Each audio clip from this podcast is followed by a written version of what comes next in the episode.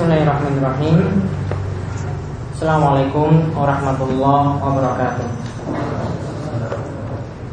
Innalhamdulillah Nahmaduhu wa nasta'inuhu wa nastaghfiruh Wa na'udhu billahi min sururi anfusina wa min sayyati amalina.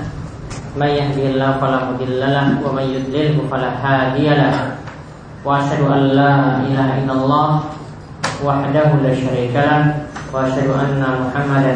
wa rasuluh Allahumma salli ala nabiyyina wa sayyidina Muhammadin wa ala alihi wa man tabi'ahum bi ihsan ila yaumiddin. Baik, uh, ikhwan fiddin rahimani wa rahimakumullah.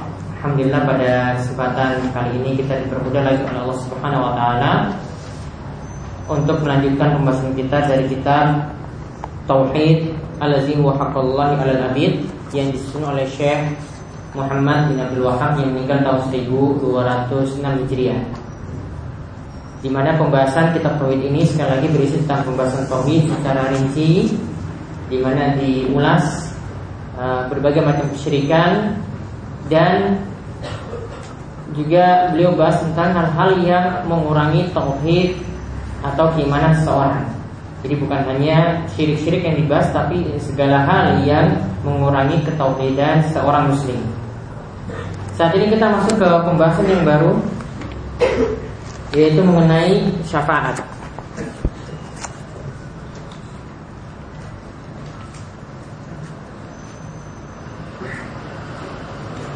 Padahal bab sebelumnya kita membahas Kemarin kita bahas dua bab Yaitu Bahasannya yang pertama kemarin tentang bahwasanya sembahan orang musyrik itu sudah dibuktikan kebatilannya. Dan beliau bahas Nabi ketika itu terluka dan Nabi SAW sendiri tidak bisa ya menghilangkan kemudaratan pada dirinya sendiri bagaimana mungkin disembah. Jadi beliau bahas yang pertama Nabi tidak pantas ditujukan satu ibadah pun kepada beliau Nabi kita Muhammad SAW tidak pantas ditujukan satu ibadah pun kepada beliau. Kemudian yang kedua, beliau bahas tentang malaikat. Ya, malaikat juga tidak pantas untuk disembah. Tidak pantas ditujukan ibadah kepadanya. Sekarang beliau membahas tentang syafaat. Apa kaitannya syafaat dengan dua bab sebelumnya? Apa kaitannya?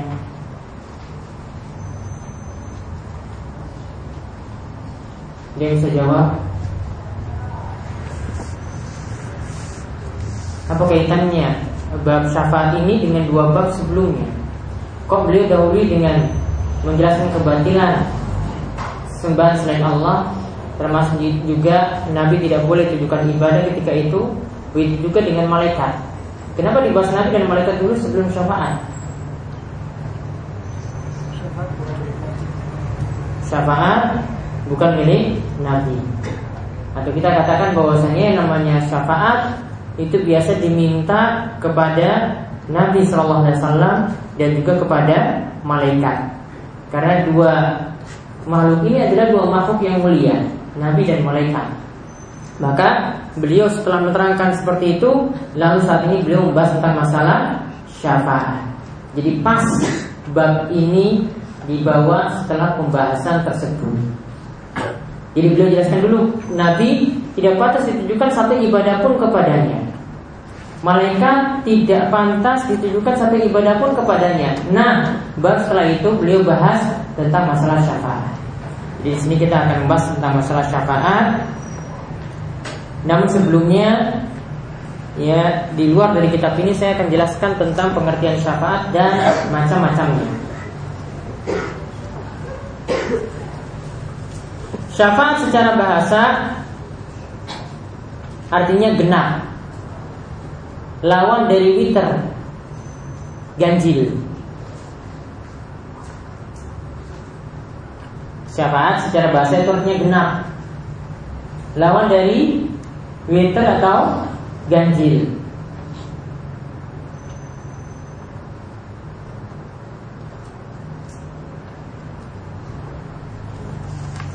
Sedangkan secara istilah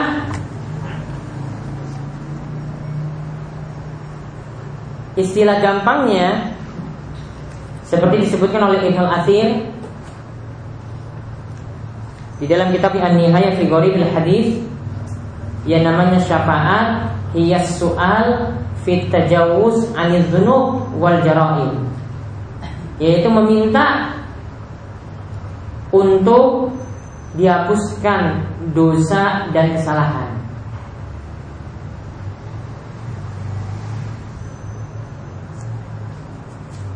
minta untuk dihapuskan dosa dan kesalahan. Dan ditambahkan definisinya lewat perantaraan orang lain. Lewat perantaraan orang lain. Sehingga akhirnya jadi genap. Aslinya dia meminta langsung, tapi dia pakai perantara. Ya, awalnya itu meminta sendiri ganjil, kemudian karena lewat perantaran orang lain jadi genap. Jadi ada kaitannya antara definisi secara istilah dengan definisi secara bahasa. Nah, sedangkan yang kita masukkan di sini nanti dalam pembahasan ini, ini syafaat dalam masalah akhirat. Namun syafaat ada dua macam lagi, ya. Ini secara umum pembagiannya itu syafaat untuk urusan dunia. Kemudian yang kedua syafaat untuk urusan akhirat.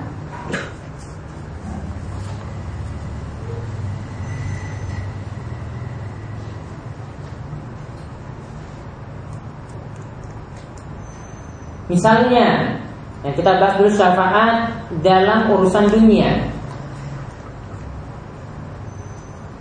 Ini seperti yang disebutkan dalam firman Allah Subhanahu wa taala yaitu surat An-Nisa ayat 85. May yashfa' syafa'atan hasanatan yakul lahu nasibun minha. Barang siapa yang memberikan syafaat dalam kebaikan maka dia akan mendapatkan bagian dari kebaikan tersebut. Contoh Misalnya ada yang butuh bantuan kepada Pak Lurah. Pak Lurah ini orangnya suki, kaya, dan ingin meminjam uang. Ada rakyat di sini mau meminjam uang sama Pak Lurahnya. Namun kalau meminjam langsung, ya itu sulit. Mungkin karena tidak dipercaya atau belum dikenal, belum kenal akrab, maka dia minta lewat dulu perantaraan orang lain. Ada tetangga yang dekat dengan Pak Lurah, benar-benar dekat dengan Pak Lurah tadi. Kemudian dia minta, tolong minta sama Pak Lurah, saya ingin minta pinjaman uang. Ya, ketika itu Pak Lurah iya kan. Maka yang jadi perantara ini yang butuh uang tadi mah dalam keadaan susah butuh kebaikan dari Pak Lurah tersebut untuk dipinjamkan. Kemudian lewat perantaraan dia akan dia minta kepada Pak Lurah, Pak, ini ada yang butuh bantuan, mau pinjam uang. Ya, maka dari sini dilihat ya dia memberikan syafaat dalam urusan dunia. Mana yang pemberi syafaat di sini? Yang tengah tadi yang jadi perantara. Ya, dia dapat bagian dari kebaikan tersebut. Pak Lurah yang bantu tadi dapat kebaikan, yang jadi perantara juga dapat kebaikan. Ini yang terkena ayat tadi ini termasuk dalam ayat mayashfa syafa'atan hasanatan yakul lahu nasibun minha. Siapa yang memberikan syafaat dalam kebaikan maka dia akan mendapatkan bagian dari kebaikan tersebut. Walaupun dia tidak memberi bantuan. Cuma jadi perantara. Cuma jadi calon, cuma ngomong saja sama Pak Lurah, tidak memberikan uang ketika itu, tidak memberikan pinjaman. Nah, ini syafaat dalam urusan dunia. Nah sekarang ada syafaat yang kedua yaitu syafaat dalam urusan akhirat. Nah ini yang kita bahas nanti dalam bahasan Syekh Muhammad bin Abdul Wahab.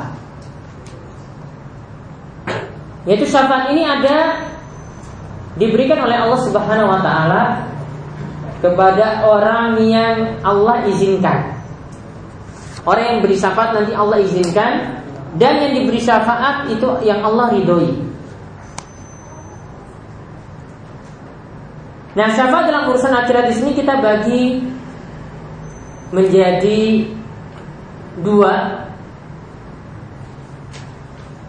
Ya, kita bagi menjadi dua. Yang pertama, syafaat khusus untuk Nabi Shallallahu Alaihi Wasallam.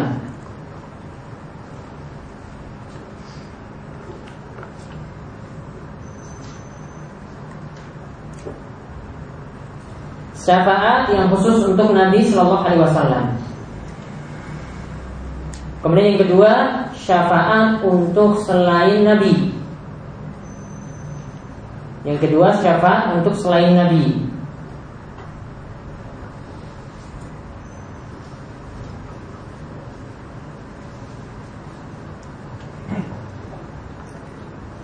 Nah, siapa untuk Nabi SAW di sini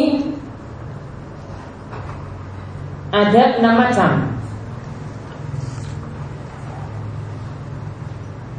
Yang pertama dikenal dengan syafaat syafaatul uzma.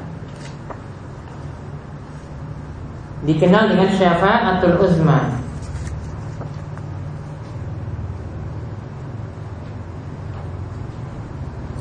Yaitu syafaat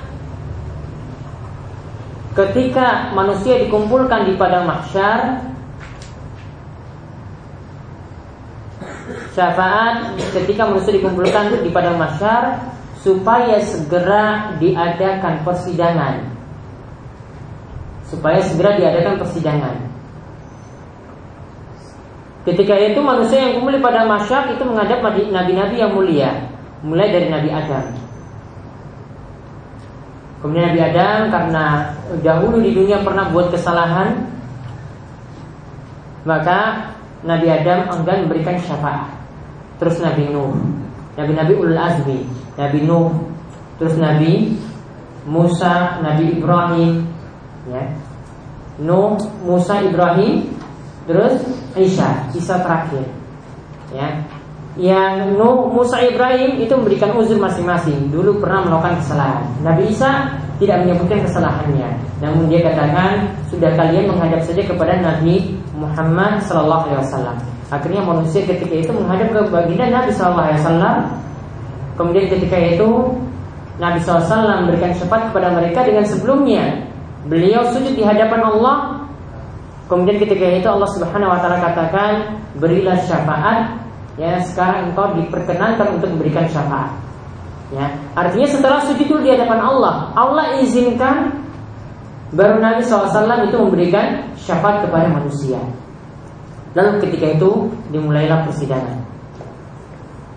Nah ini yang dikenal dengan syafaatul uzma. Kemudian yang kedua, syafaat untuk dibukakan pintu surga.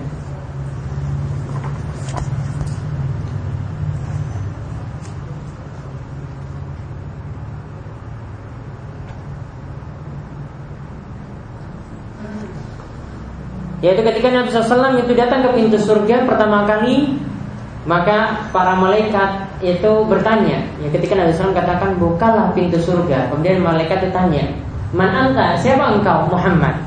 Maka Fayaqul bika umirtu la aftahu li ahadin qabla. Engkau wahai Muhammad ya karenamu pintu ini dibuka Dan tidak aku buka untuk orang-orang sebelummu Ya, jadi Nabi SAW yang buka pintu surga pertama kali. Baru ketika itu setiap orang itu masuk, yang masuk pertama kali adalah umat yang terlebih dahulu, baru umat-umat yang lain yaitu umat Islam, umat yang terakhir itu masuk surga yang pertama kali terlebih dahulu, baru umat-umat yang selanjutnya, baru umat-umat yang lainnya. Kemudian yang ketiga, syafaat untuk diringankan azab bagi yang berhak mendapatkannya. Syafaat untuk diringankan azab bagi yang berhak mendapatkannya.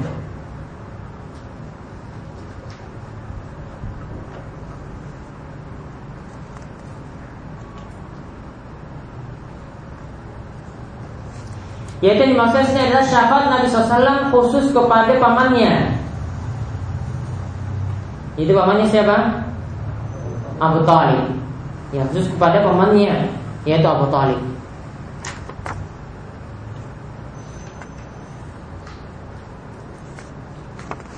Yaitu yang Nabi SAW itu katakan bahwasanya akhwanu ahlinna azaban Abu Talib siksa yang paling ringan di neraka yaitu siksa yang diperoleh oleh paman Nabi SAW Abu Talib.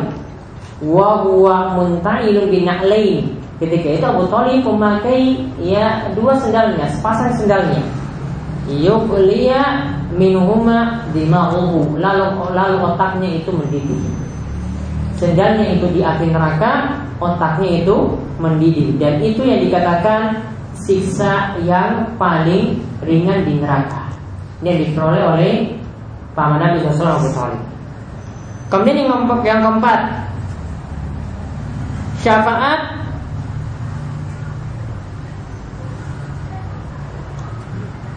untuk ahli surga dengan ditinggikan derajatnya. Syafaat untuk ahli surga untuk ditinggikan derajatnya.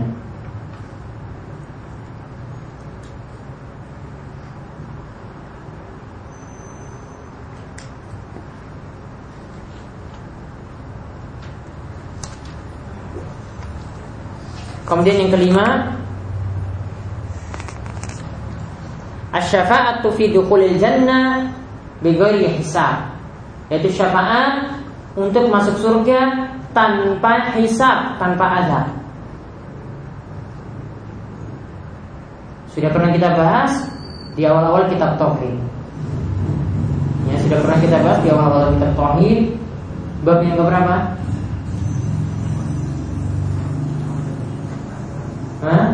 Bab yang kedua bab fadl tauhid yukaffiru minal dzunub. Kemudian bab yang ketiga. Nanti lihat kembali tentang 70 ribu orang yang masuk surga tanpa hisab dan tanpa azab.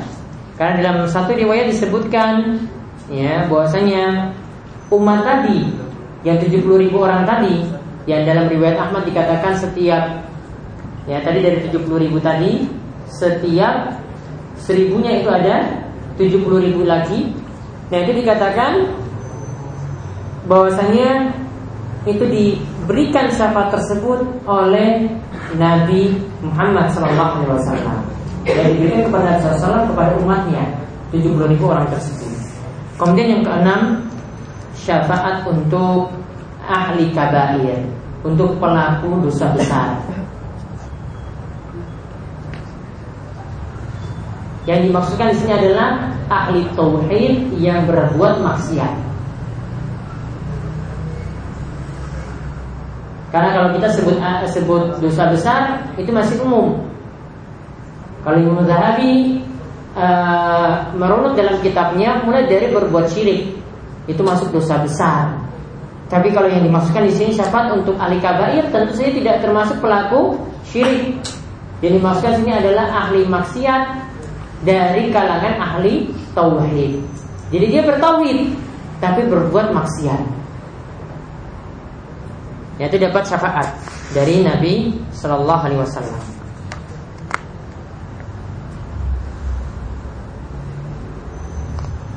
Yaitu ada dalam suatu hadis disebutkan syafaat di ahli kabair min umati. Syafaatku itu untuk pelaku dosa besar dari umatku.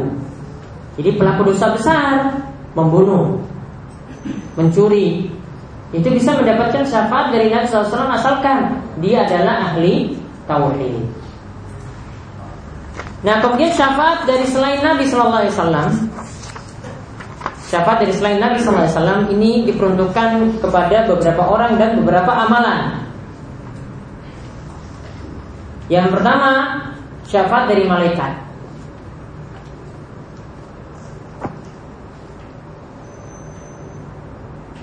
Ini sifatnya umum. Jadi malaikat memberikan syafaat. Seperti yang disebutkan dalam surat An-Najm ayat 26, "Wa kam min malakin fis samawati la tughni syafa'atuhum syai'an illa illa min ba'di ay ya'dana Allah liman yasha'u wa yarda." Itu Allah Subhanahu wa taala katakan, betapa banyak malaikat di langit. Jadi di antara penghuni langit itu adalah malaikat. Betapa banyak malaikat di langit yang syafaatnya tidak bermanfaat sedikit pun kecuali setelah Allah itu izinkan dan syafaat itu diberikan kepada orang-orang yang Allah Subhanahu wa taala ridhoi. Jadi malaikat bisa berikan syafaat. Kemudian yang kedua Syafaat untuk selain Nabi yaitu ditujukan kepada yaitu syafaat milik para nabi selain Nabi Muhammad. Kalau Nabi Muhammad tadi sudah. Sekarang yang para nabi yang lain selain Nabi Muhammad.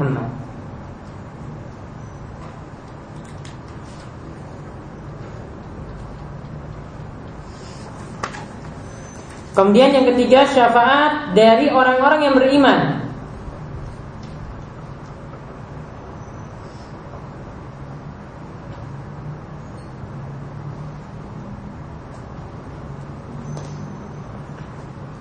Ya syafaat dari orang-orang beriman. Seperti di sini disebutkan dalam hadis dari Abu Sa'id Al Khudri inna min ummati mayashfa'ul fi'am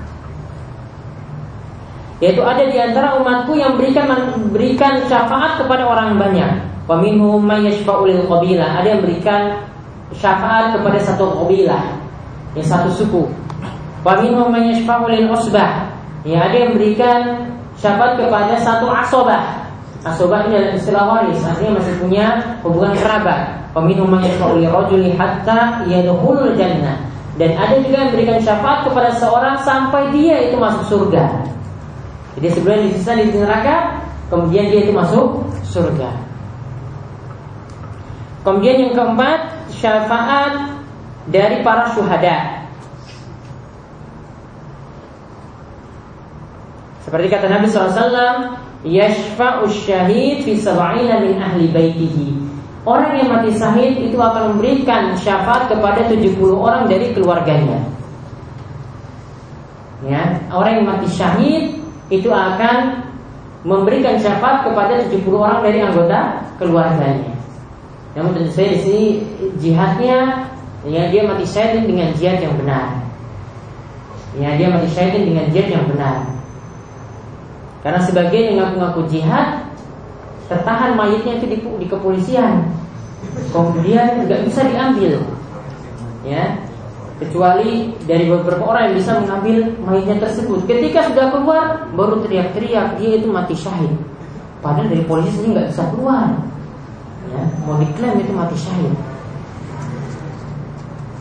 Kemudian yang kelima, syafaat dari anak-anak orang beriman di mana mereka memberikan syafaat kepada bapak-bapak mereka.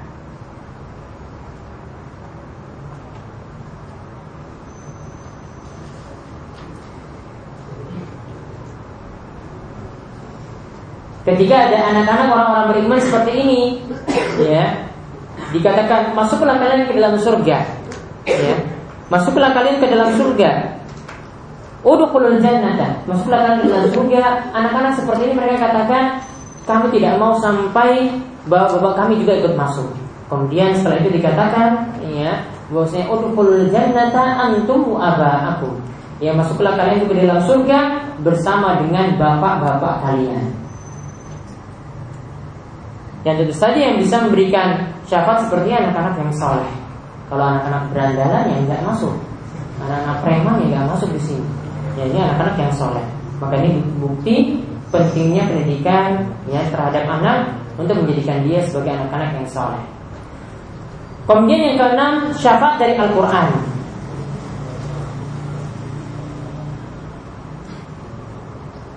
Kemudian yang ketujuh syafaat dari amalan puasa.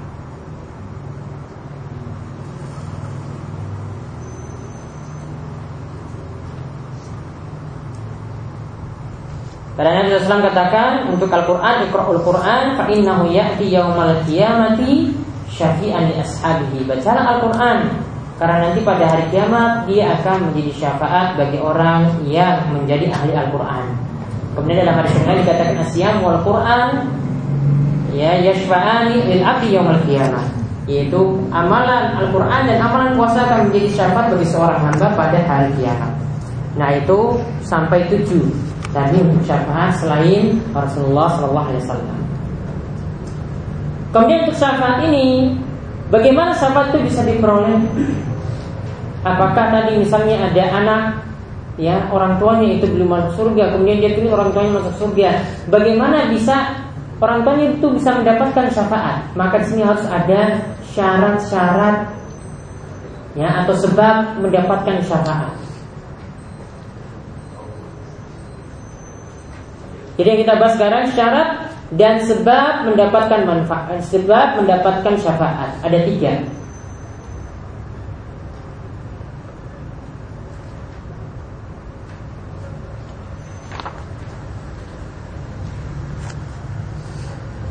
Kita bahas dulu syaratnya dulu. Nanti ada sebab-sebabnya nanti ada sebutkan saya sebutkan amalan-amalannya.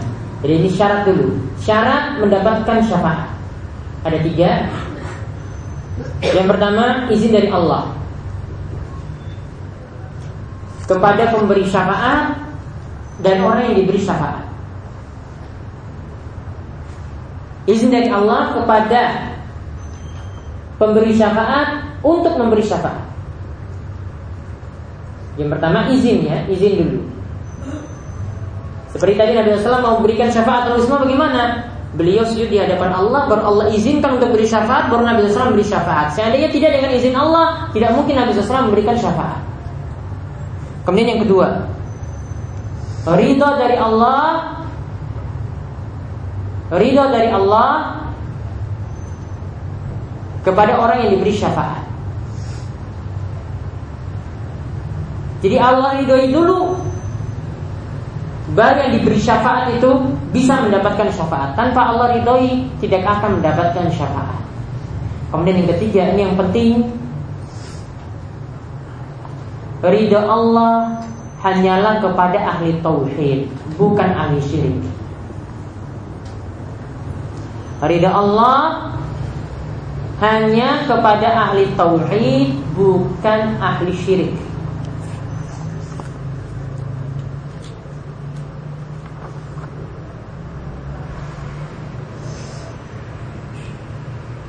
Kemudian sebab mendapatkan syafaat ada delapan.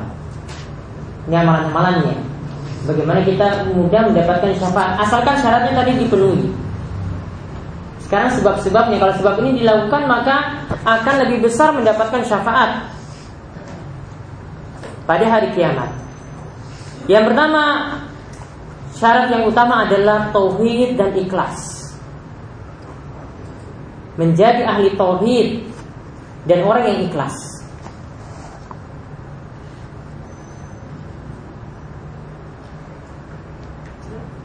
Bagaimana kata Nabi SAW As'adun nasi bisyafa'ati yawmal qiyamati man qala la ilaha illallah khalisan min qalbihi au bina au nafsihi.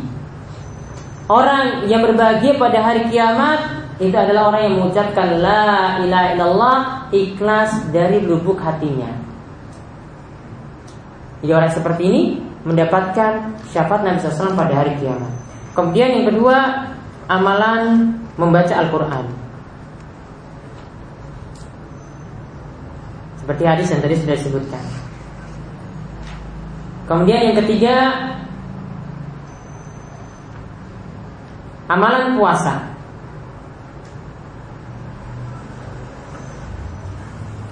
Hadisnya tadi juga sudah disebutkan. Kemudian yang keempat Doa Membaca doa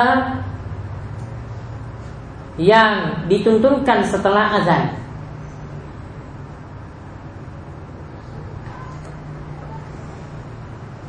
Itu sebagaimana kata Nabi Sallallahu Alaihi Wasallam, "Mengkala hina yasma'un nida." Siapa saja yang mengucapkan setelah kumandang azan, Allahumma rabb hadhihi da'wati tammah wa salatil qa'imah wasilata wal fadilah wa ba'athu maqama mahmud alladhi wa'adta. Maka kata Nabi sallallahu hullat ya halat lahu syafaati yaumal qiyamah. Maka halallah syafaatku baginya pada hari kiamat. Dalam riwayat yang lain ada tambahan wa ba'athu maqama mahmud alladhi wa'adta innaka la tukhliful mi'ad Tambahan yang ini menurut pendapat yang tepat ini tambahan yang sahih, bukan tambahan yang sah. Jadi membaca doa setelah azan. Itu doa yang warid yang tadi yang disebutkan. Kemudian yang kelima mati maaf tinggal dan mati di Madinah ya tinggal atau mukim dan mati di Madinah. juga bersabar ketika bermukim di sana. Maka ini yang menunjukkan keutamaan kota Nabi Sallallahu Alaihi Wasallam. Siapa yang mati di sana maka dia akan mudah mendapatkan syafaat Nabi Sallallahu Alaihi Wasallam. Karena Nabi SAW katakan Menistata'a ayyamuta bil madinah faliyamut biha Fa inni ashfa'u liman yamutu biha. Barang siapa yang mampu mati di Madinah Ya Maka matilah di tempat tersebut. Karena aku sungguh akan memberikan syafaat Bagi orang yang mati di kota Madinah tersebut. Kemudian yang keenam Membaca salawat Kepada Nabi Sallallahu Alaihi Wasallam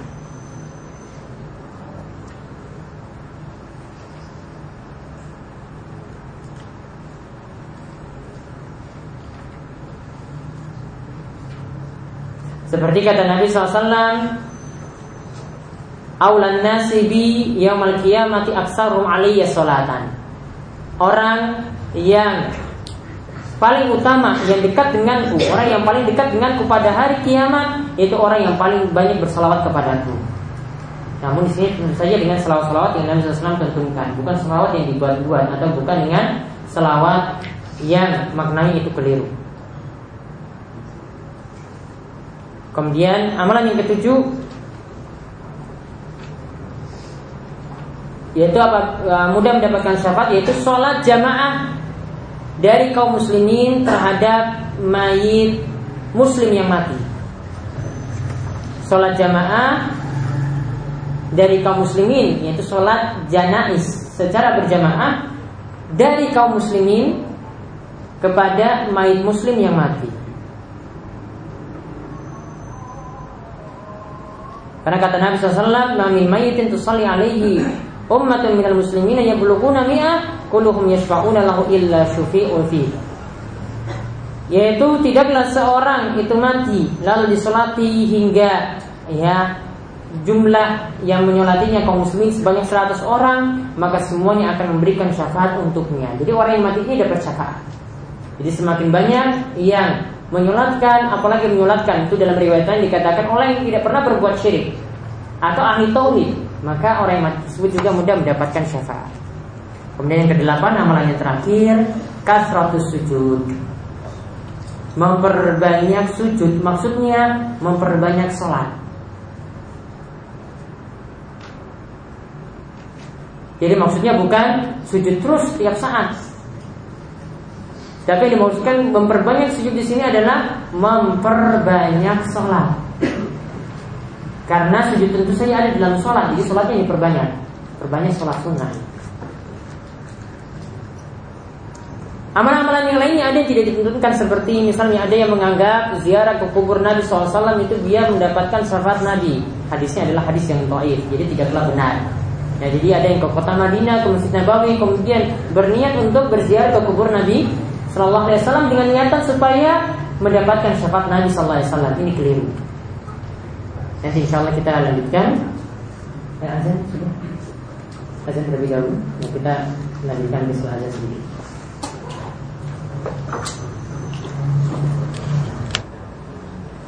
Baik, kita lanjutkan ke dalam pembahasan kitab Tauhid. Dia sebutkan bab syafaat. Bab tentang masalah syafaat. Ini kita bacakan beberapa dalil sebelum sholat. Yaitu firman Allah subhanahu wa ta'ala Bila ingin tunjukkan tentang masalah syafaat. Di sini ada syafaat yang tertolak. Itu syafaat yang tidak memenuhi syarat-syarat tadi. Yaitu tidak ada izin Allah tidak Yang diberi itu tidak Allah ridhoi Maka tidak akan mendapatkan syafaat. Dan ada dalil yang menetapkan adanya syafaat. Itu syafaat itu ada berarti ketika syaratnya itu terpenuhi jadi di sini perlu dipahami dalil. Jadi tidak tidak secara mutlak syafaat tertolak. Dan tidak secara mutlak juga syafaat kita tetapkan. Tapi kapan memenuhi syarat maka syafaat itu ada dan ketika tidak memenuhi syarat tadi maka syafaat itu tidak ada. Di antaranya beliau bawakan firman Allah surat Al-An'am ayat ke-51 wa anzir bihil ladzina yakhafuna ay yuhsyaru ila rabbihim laisa lahum min dunihi waliyyun wala syafi'. Dan berilah peringatan dengannya Yaitu kepada orang-orang Yang takut dikumpulkan pada hari kiamat nanti di hadapan Allah Subhanahu wa taala.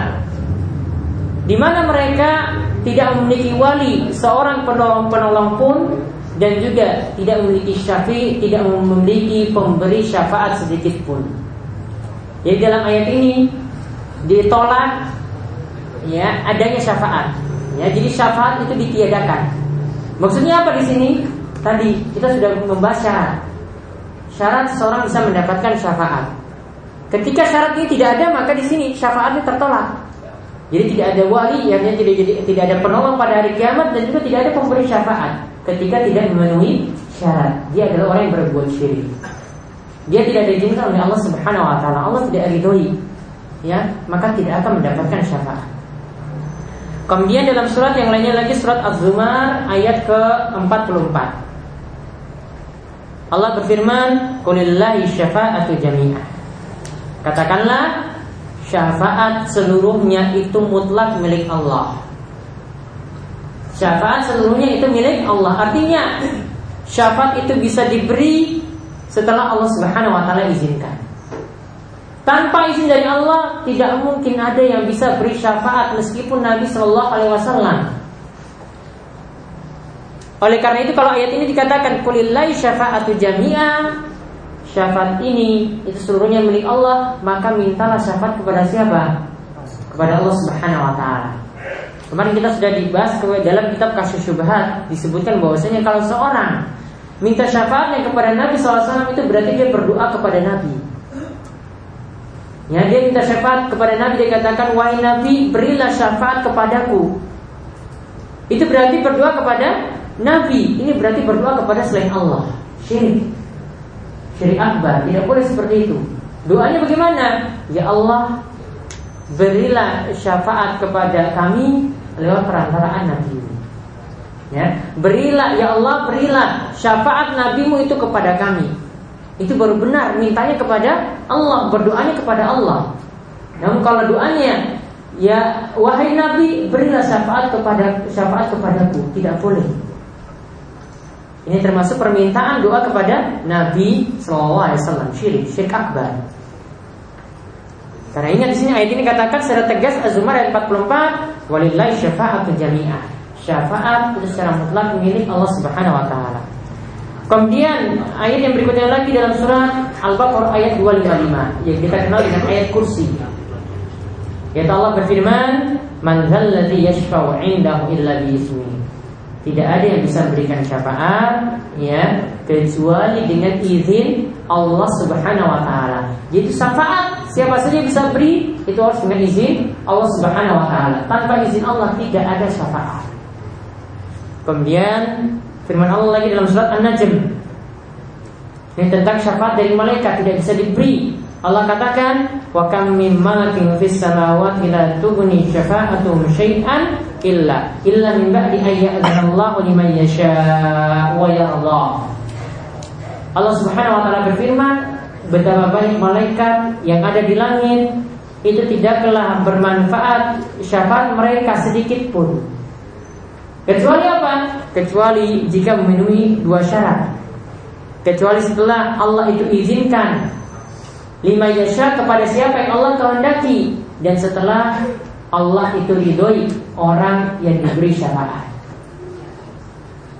Kemudian ayat yang lainnya lagi yaitu surat Saba ayat 22 sampai 23 Allah berfirman Qul ladzina za'amtum min dunillah Katakanlah kepada orang-orang yang kalian seru selain Allah la yamlikuna mithqala dzarratin fis samawati wala fil ardi wa ma lakum fihima min syirkin wa ma yaitu mereka tidak memiliki seberat zarah pun. Ukuran yang kecil.